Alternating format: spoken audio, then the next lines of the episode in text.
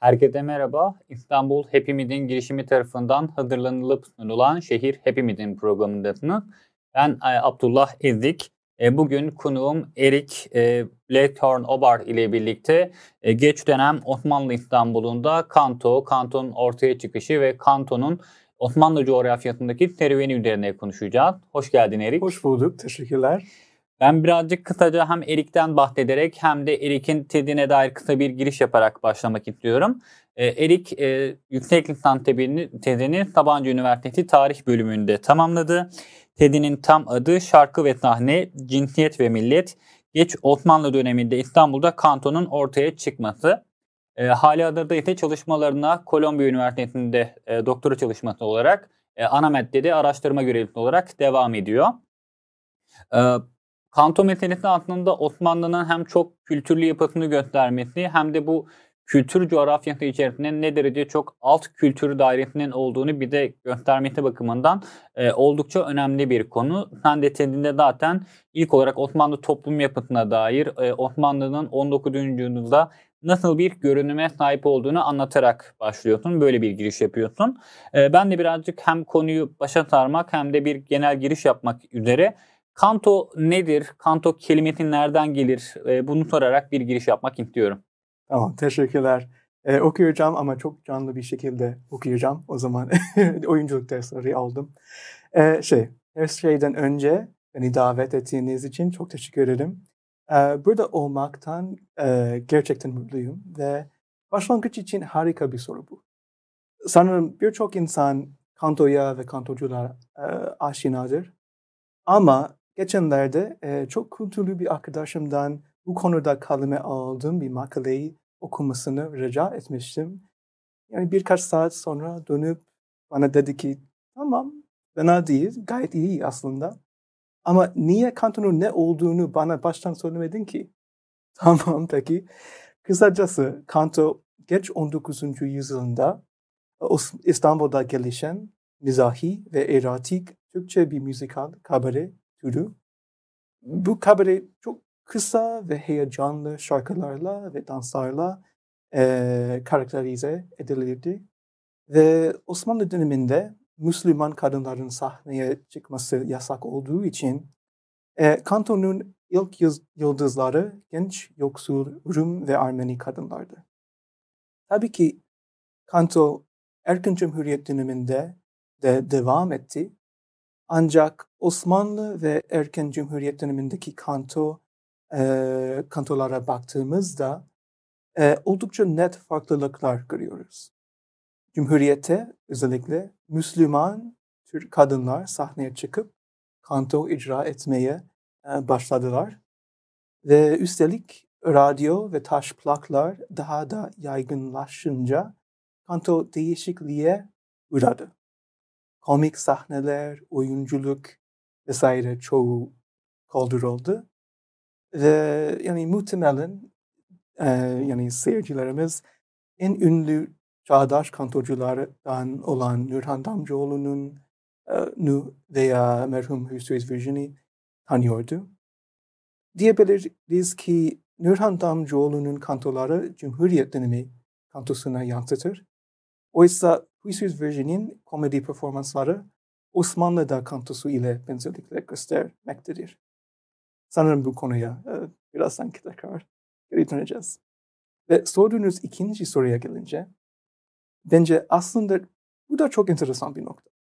Kanto sözcüğü İtalyancadan Osmanlı Türkçesine geçti ve bu etimolojiden dolayı bazı eleştirmenler Kanton'un tamamen İtalyan, otantik Osmanlı veya Türk kültürüne yani karşı bir kültürel türü e, olduğunu iddia etti. Ancak bu eleştiri bir yanlış anlamaya dayalıdır. Geç Osmanlı döneminde İstanbul'da her mesleğin, her esnafın kendi diyalekleri vardı ve tiyatro sanatçılar kendi diyaleklerinde konuşuyordu. Bu diyalekt İtalyanca ve Rumca kelimeler ile duyulurdu. Örneğin e, İtalyanca'da bosco, orman demektir. Halbuki Tuluat sanatçıların diyaleklerinde, diyaleklerinde e, sahnenin arka planın Bosco deniliyordu. Kanto bu gibi kelimelere benziyordu. Karagöz oyunları gibi perde arkası müzikal performanslar için kullanıyordu. Ve zaman içinde bu perde arkası şarkıları ana cazibe odağı olacak ve bağımsız bir tiyatro tarzına dönüşecek. Zaten aslında Osmanlı'nın o imparatorluk kültürü içerisinde de birçok e, alıntı kelime alıp bunu evet. farklı anlamlarda kullandığı veya İtalyanca'da farklıyken İstanbul'da yaşayan İtalyanların onu Hı. farklı şekillerde kullanıldığını biz biliyoruz. Bunun birçok farklı örneği var.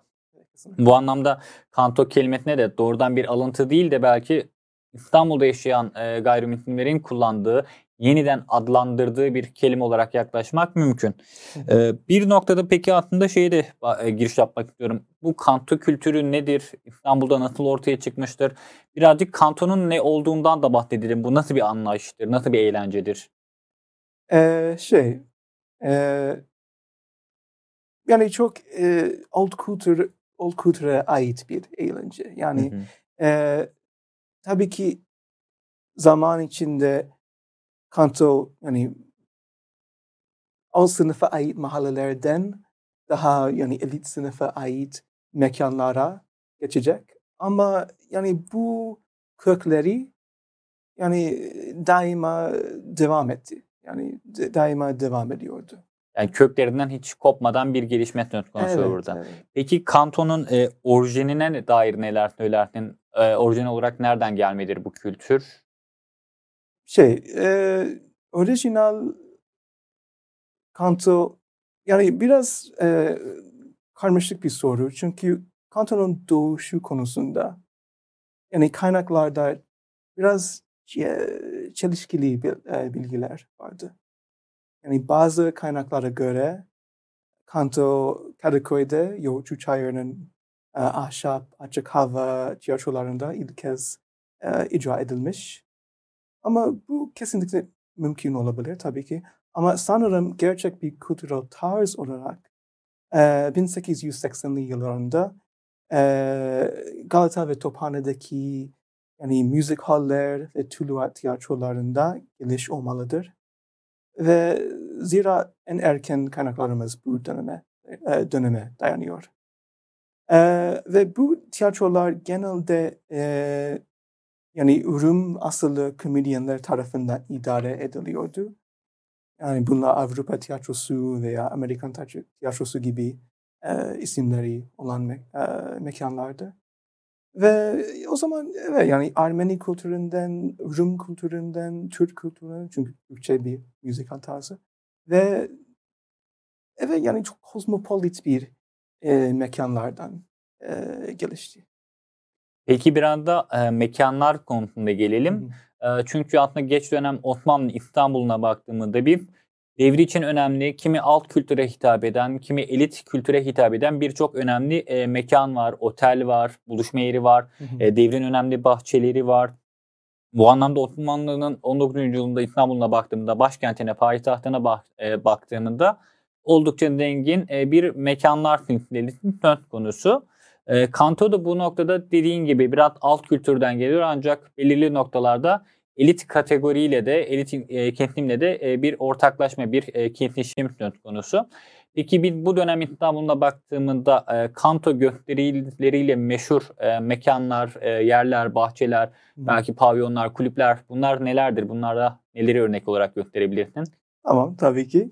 Ee, bahsettiğim mekanlardan başka ee, şey Özellikle yani Avrupa tiyatrosu ve Amerikan tiyatrosu e, çok önemliydi.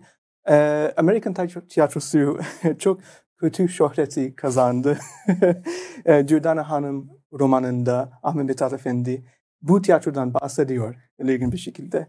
Ee, adı neden Amerikan tiyatrosu bilmiyorum ama yani tam e, şey yani eğlenceli bir yer olduğu söyleniyordu. Herkes deliymiş, herkes birbirini öldürmek istiyor, istiyorlar. O zaman tıpkı Amerika gibi galiba. Ama e, şey o dönemde yani erken dönemde e, Peruz, Büyük Amelia, Küçük Emilia en önemli kantorcular arasında sayılıyordu. Ve ilerleyen zamanlarda e, Kanto Tepebaşı tiyatrosuna, e, Beyoğlu'nda Variyete tiyatrosuna, bahsettiğim e, şey, yani Garden Bar e, yani Garden Bar'a taşındı e, ve Çamlıca Bahçeleri.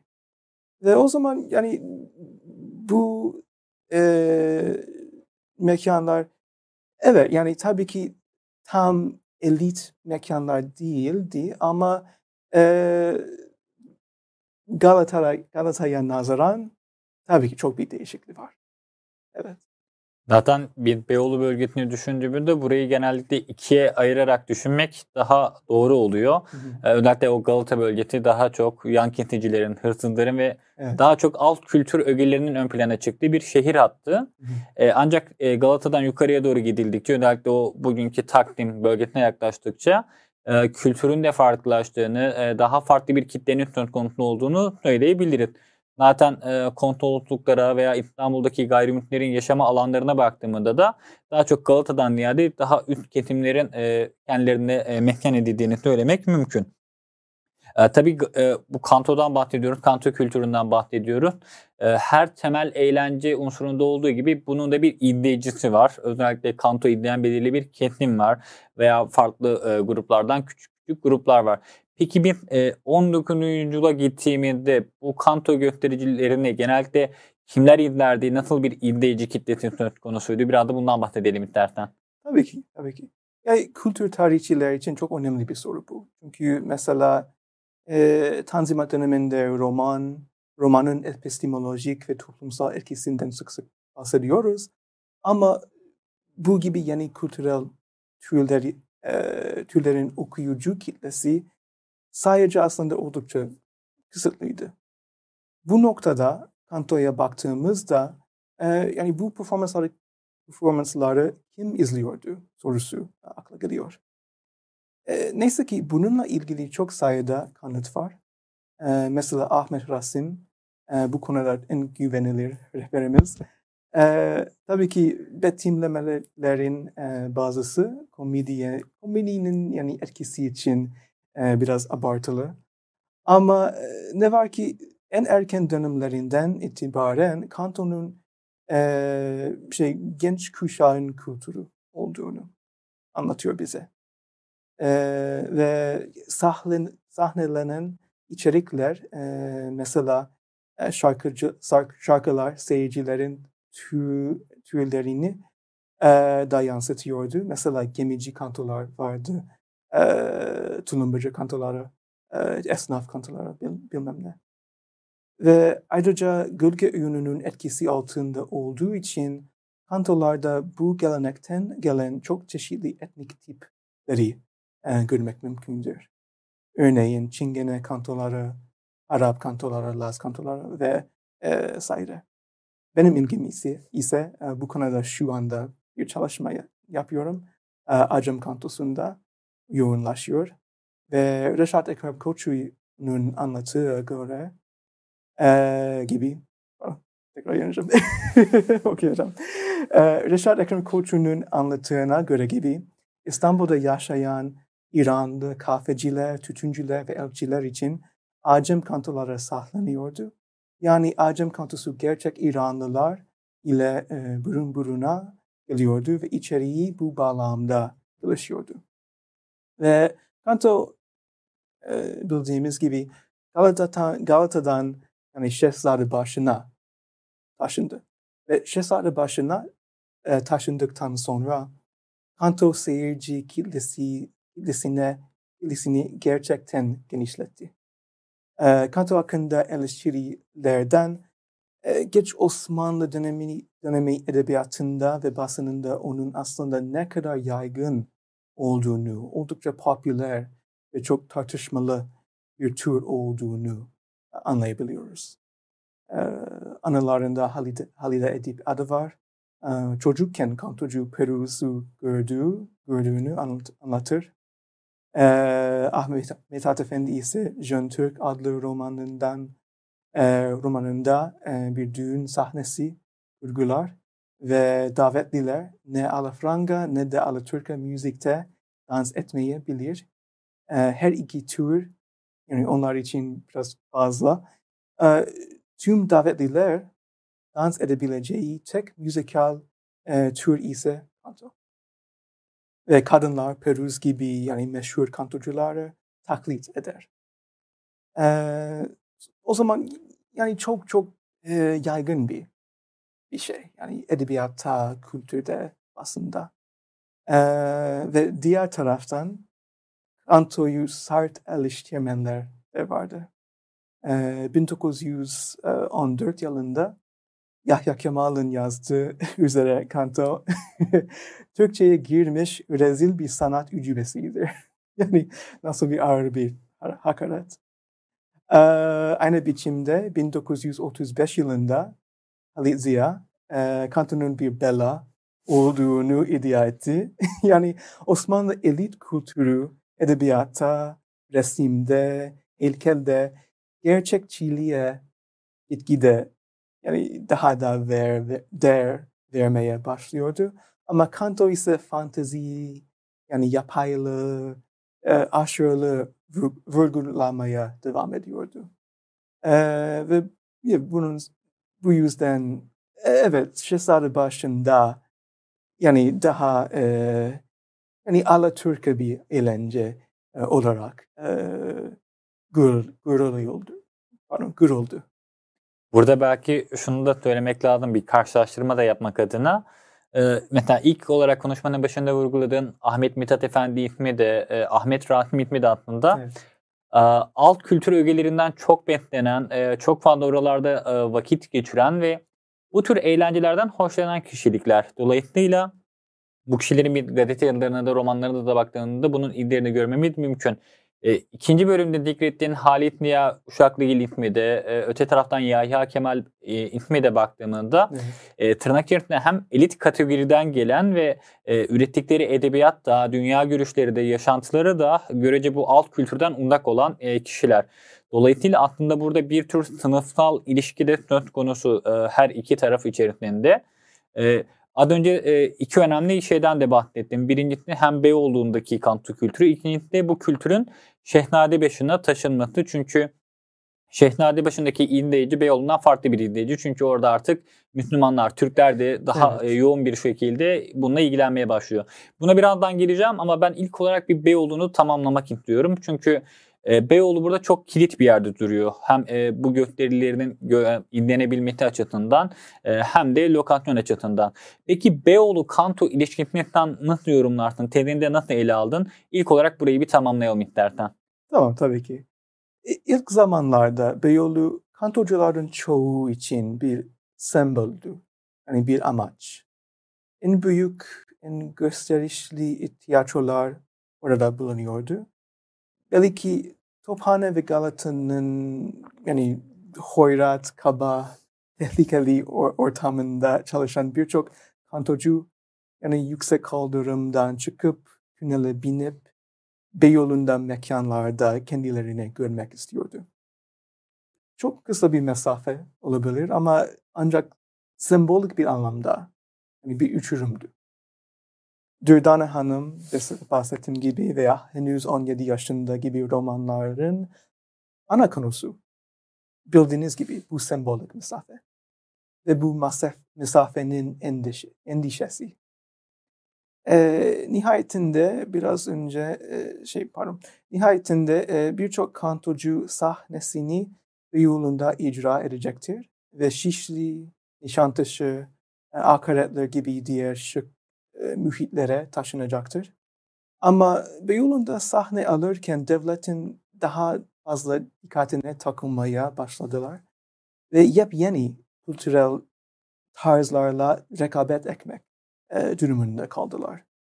Yani demek istediğim şu ki e, Şehzadebaşı yani Alaturka Broadway olarak bilinirdi. Ve genelde or orada Alaturka eğlenceler icra ediliyordu. Yani Karagöz gibi. Ancak Beyoğlu'nda özellikle 1920'li yıllarında kanto, cazla, vaudeville, swing müziğiyle veya diğer globalleşmiş, globalleşmiş Amerikan kültürel e, türleriyle rekabet içine girmiş oldu. ve yani son olarak e, Mehmet Kentel gibi e, araştırmacıların e, belirttiği gibi Beyoğlu yani kozmopolit bir mekan tabii ki. Ama kozmopolit bir, bir mekan olmasına rağmen bu kozmopolitanizm yani mülksüzleştirme, dışlanma ve eşitsizlik üzerine inşa edilmişti. Örneğin e, Kanto'nun en eski ezgileri roman müziğinin etkisi altında e, gelişmişti.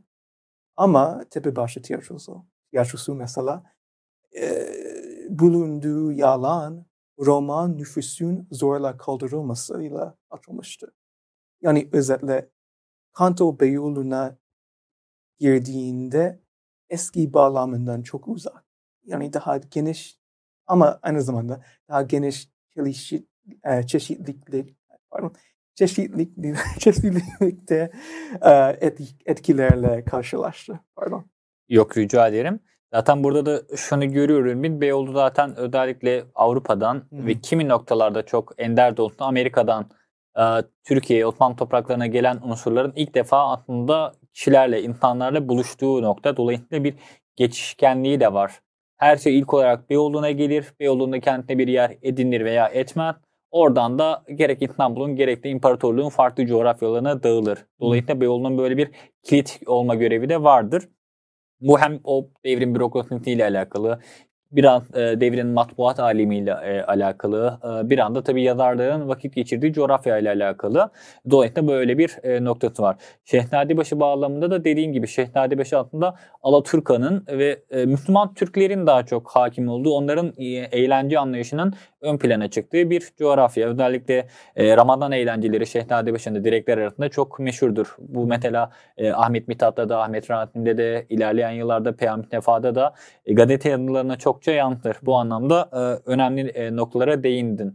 E, bir de peki bu noktada değinmek dediğim bir diğer konu 19. E, yüzyıla baktığımızda bir çok fazla aslında e, tiyatro kumpanyası görüyoruz, kanto kumpanyası görüyoruz. Bu, bu kampanyalar devriyle ilgili çok şey söyleyen ve devrinde nasıl bir yapı olduğunu da bir de gösteren unsurlardan birisi. E, dolayısıyla bir birlikte hareket etme anlayışını da göstermekte bakımında kıymetli. Çünkü bu insanlar birlikte turnelere çıkıyorlar, birlikte vakit geçiriyorlar, birlikte bir kumpanya kurup oradan para kazanmaya çalışıyorlar. Böyle bir anlayış var. Peki bir 19. yüzyıla gittiğimizde ön plana çıkan e, kanto kumpanyaları nelerdir? Bunlar nasıl bir sembolizasyonla ele alınabilir? Buna dair ne dersin? Tabii ki. Ee, şey, Çisarı başında e, yani kantocular e, şehri, e, komik şehir olan e, Abdi, Şevki veya Kelhasan gibi meşhur komedyenler e, tiyatrolarını icra ediyorlardı. Ve o zaman da o, o dönemde vaudeville, musical gibi sözcükler çok e, yaygın olmadığı için bu tiyatrolar hande hane, eğlencehane, hayalhane gibi çok ilginç isimlerle anılırdı. Ama e, şey en önemli kanto tiyatrosu bence e, sahne-i alem. E, yani bu tiyatrodan bahsetmem gerek. 1898 yılında bir grup kadın sanatçı cesaret başında bu tiyatro kampanyası kurdu. Yani kadınlar tarafından sahip olunan ve işletilen bir tiyatro bu. Ve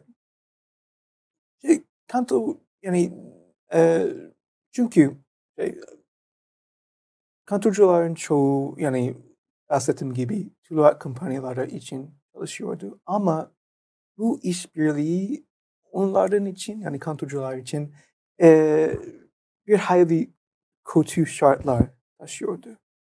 Abdi gibi e, meşhur komedyenler sanatçılara bir dereceye kadar e, yasal koruma sağladı. Ara sıra fiziksel güvenlik daha e, dahi ayarladı. Ama sağladığı çalışma koşulları kantorcular için yani biraz istismar barındır, barındırıyordu. Ee, bu nedenle Peruz Hanım e, ve çırakları 19. yüzyılın sonunda cesadın başında sahneyi alem e, kurdular. Ve 1999 yılında kapatılmadan önce semtin en meşhur tiyatrolardan biriydi. Kadim dergisinde bu konuyu işleyen bir makalede e, aldım. Bence çok ilginç bir konu bu. Çünkü sahne alem kromasıyla e, kantorcular örgütle, örgütlenebilirdiler ve kendi şarkılarını sahneye e, sahnelendi ve bunun yanı sıra e, kadınlara mahsus oyun, oyunlar ve operetler icra ettiler. E, Peruz çok yenilikçi bir sanatçıydı. Yani drama, fotoğrafçılık, e, sinema ile e, yani deney yapmak istedi. Ve ne yazık ki ancak e, maalesef erkek yönetmeli, yönetmelerin e, çok ağır e, eleştirilerine e, maruz kalıyordu. Ve eleştiri, e, yani eleştirenler çoğunlukla sahneye alan bir yani rezalethane, bir batakhane, yani bir genel ev olarak e, görüyordu. Ve zaten sonunda e, ahlak polisi tarafından kapatıldı. E, bununla birlikte sahne sahne alem yani mustakbel kanto yıldızları için bir yani antrenman sahası oldu. E, nihayetinde mesela Küçük Virgin, Minyon Virgin gibi kantocuların yani birçoğu çok başarılı e, sanatçılar olacaktır. E, zaten e, dediğin gibi burada iki tane temel mentali de ön plana çıkıyor imparatorluk kültürü içerisinde. Birincisi azınlıklar ve azınlıklara yaklaşım mentaliti. İkincisi de zaten özellikle son yıllarda daha da çok tartışmaya açtığımız bu cinsiyetçilik mentaliti var. Evet. Bu anlamda Kanto her ikisinin de kesiştiği ve olumsuz anlamda çokça etkilendiği bir konu. Peki e, senin tezinde de vurguladığın bir diğer metal dikkat çekici konu Kanto'nun dilinin Türkçe olması meselesi. Bence bu hem çok enteresan bir e, mesele hem de o imparatorluk kültürü içerisinde Türkçenin kimi noktalarda nasıl e, birleştirici, bütünleştirici olabileceğine dair de bir ipucu vermesi bakımından dikkat çekici bir konu.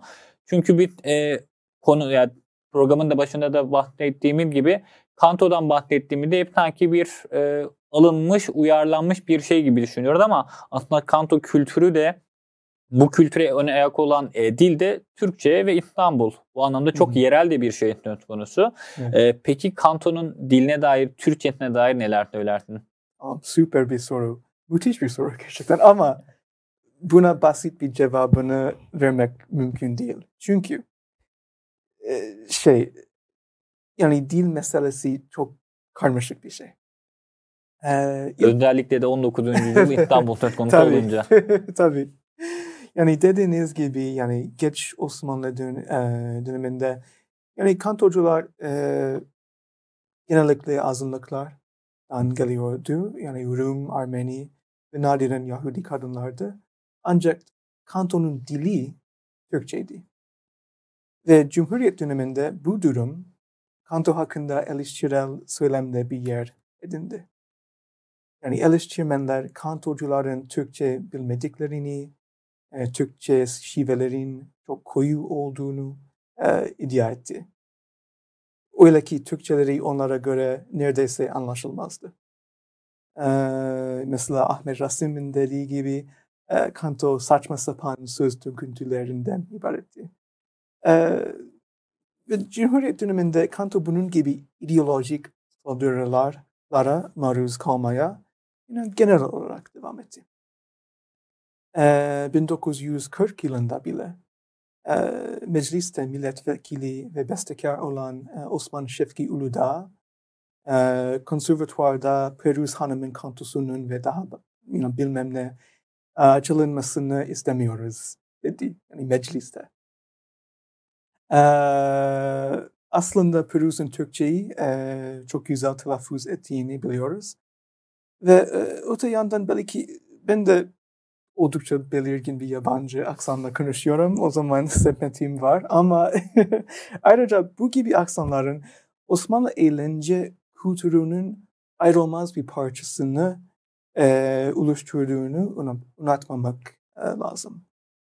aksanlı konuşmalar gölge oyununun e, bir özelliğiydi. Orta oyununun bir özelliğiydi. E, asla e, bir problem veya bir bozukluk değildi yani. Haldun Dorman'ın Kantocu adlı oyununu okuyanlar bilir. Bu oyun esasen tamamen kusursuz, tamamen milliyetçi bir kantocunun hikayesini anlatır. Ve eserin kahramanı mükemmel, tertemiz bir Türkçe konuşuyor. E, çünkü çünkü Armeni değil, Armeni asıllı bir kadın gibi davranan bir Türk. Oyun bu şekilde kosmopolit kantoya, kantoyu tek dili ulus devletle ulaştırmaya çalışmaktadır. Ancak bu konuya ulaşmanın başka bir yolu var bence. Ee, yani Seyfi Dursunoğlu Huysuz Version personasını yaratırken yani kantolarında Armeni şivesine, şivesini taklit etmeye çalışıyordu. Ve tabii ki bu da bizi kültür yağmacılığı bir sorusu getiriyor ama onarıcı bir açıdan yani yaklaşmak istiyorum. Huysuz Virgin için bu aksan bir kusur değil, özelliği, özellikti, özellikte. Pardon. Mizahın bir parçası, erotizmin bir parçası, e, kısacası türün ayrılmaz bir parçasıdır. E, ikinci olarak bu üç, defa, üç bölümlü bir cevap. E, ikinci olarak kantorcular peki neden Türkçe yani şarkılar söyledi? Yani evet imparatorluk döneminde nadiren Arapça ve Farsça ifadeler görmek mümkündür. Ama Armenice ve Rumca kantolar hiç yoktu. Ve kantolar Osmanlı Türkçesiyle yazıldı. Bunun bence iki sebebi var. Birincisi seyirciler ağırlıklı olarak Türkçe konuşan Müslümanlardı. Karagöz, Köçek, Orta Yunu, Esnaf Türküleri gibi kantonun etkisinde e, kaldığı sahne sanatlarının dili Türkçe. Bu açıdan bir mantık yürütülür. Bunun yanı sıra e, Armenice ve Rumca kantorların eksil, e, eksikliği üzerine de düşünelim. İkinci Abdülhamit'in sansür rejimi, e, imparatorlukta kullanılan farklı dillerdeki müziği, müzik ve tiyatro türlerin gelişmesinde önemli bir yani etken oldu, engel oldu. E, Hamidiye olayları e, ve 1897 yılında Osmanlı-Yunan Savaşı sırasında e, Armenice ve Rumca yapılan tiyatro e, Osmanlı hükümeti tarafından şüpheli olarak. Yani bu nedenle Türkçe nispeten güvenliydi. Ee, ve son olarak kantonun ana dili Türkçe olmasına rağmen etnik kantolar oynanırken oynanırken performanslar o etnisis, etnisitenin dilinden bazı basma kalıp var. İfadeler kullanılırdı. Örneğin Acem kantosu icra edilirken kantocu İran'da kıyafetinde e, sahneye çıkar ve Acem şivesiyle şarkılarla e, şarkılar söylerdi. E, şarkıların söz dağarcığı da İranlıların egzotik niteliği üzerinde, üzerinde duruyordu. E, bu yüzden şarkılarda belirgin bir şekilde Farsçadan aktarılmış sözler kullanıyordu. Mesela bade, puser, dühter, e, mehpare gibi. Ve bu biçimde yani Acem kantosu, Çingene kantosu, Laz ve Arap kantolara benzemektedir. Ve bu şu anlama geliyor ki e, kantonun esası Türkçeydi. Ancak söz dağarcığı, telaffuzu ve e, ifade araçları bakımından bu Türkçe ile sınırlı değil. Yani çok aksine geniş kapsamlıydı. E, tıpkı aslında 19. yıl matbuat alemine, gazetelere, mecmualara baktığımda da karşılaştığımın gibi. Ana dil belki Türkçe ancak bu Türkçe e, bugünkü Türkçeden daha farklı. E, özellikle Arapça ve Farsçadan, kimi yerlerde Ermenice'den, e, Rumcadan, Fransızcadan, İngilizce'den İtalyancadan kelime alan, kelime veren, e, dolayısıyla içerisinde kozmopolit kültüre dair birçok şey gösteren bir e, Türkçeydi. E, Kanto'da da aslında buna paralel bir görünüm var. Buna e, ilave olarak da aslında e, tartışmalı bir konu olan şive konusu da tabii var. Evet. Bir de peki e, bu noktada artık biraz imparatorluktan cumhuriyete doğru geçmek istiyorum. Çünkü Kanton'un serüveninde de 20. yüzyılda bir takım kırılmalar meydana geliyor. Ee, az önce de bahsettiğim gibi mesela işte Halit ya daha sonra Yahya Kemal e, hem e, milli edebiyatın e, ve modern edebiyatın kurucu isimlerinden, önemli isimlerinden e, hem de yaklaşmakta olan Cumhuriyet'e dair bir takım e, ifadeler kullanmakta, bir yol göstermesi bakımından da çarpıcı isimler. Onların mesela bu Kanto'ya dair olumsuz yaklaşımı belki bu noktada bir kırılma noktası veya bir gösterge olarak kabul edilebilir. Peki sen e, bu konuya çalışırken imparatorluktan cumhuriyete ve cumhuriyetten artık yavaş yavaş bugüne doğru giden serüvende e, kanton nasıl değişti? Ne tür farklılıklara tabi tutulmuş? Bu konuya dair ne söylersin? Hı, tabii. Cumhuriyet dönemi kantosu farklıydı ama kötü değildi yani. yani hatta bir dereceye kadar Kanto'da yani Cumhuriyet döneminde ideolojik kavgalardan yararlandı. Ee, Osmanlı sanat müziği radyo yayınlarından kaldırıldığı zaman 1934'te sanat müziği yerine yetenekli müzisyenler ve bestekar e, kanto ve fantezi şarkıları yazmaya başladılar. E, ve kantonun güfteleri çok daha siyasal, e, ünsür, daha çok hiciv içerir oldu. Ve Cumhuriyet döneminde kanto yıldızları müzik hallerden taş plaklara ve radyo gibi e, yeni teknoloji ve medyayla e, donatılmış müzik stüdyolarına taşındı. E, ve Çingene kantosu dışında etnik kantolar gitgide ortadan kayboldu ama hani daha evet hicivli kantolar devam ediyordu. Ama tabii ki yani hem Birinci Dünya Savaşı hem de İstiklal Savaşı dönemleri yani inanılmaz zorlu şartlarla e, yani getirdi.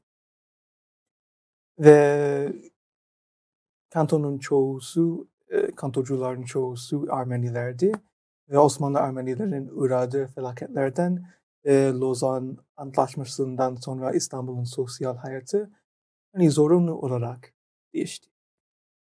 Yine de her şeye rağmen erken Cumhuriyet döneminde Ermeni ve Rum kantocular sahneye çıkmaya devam etti. Ancak belki artık bağlamları çok farklıydı. İstanbul'un işgalinden sonra tüm şehir hani biraz şüpheli olarak kuruldu.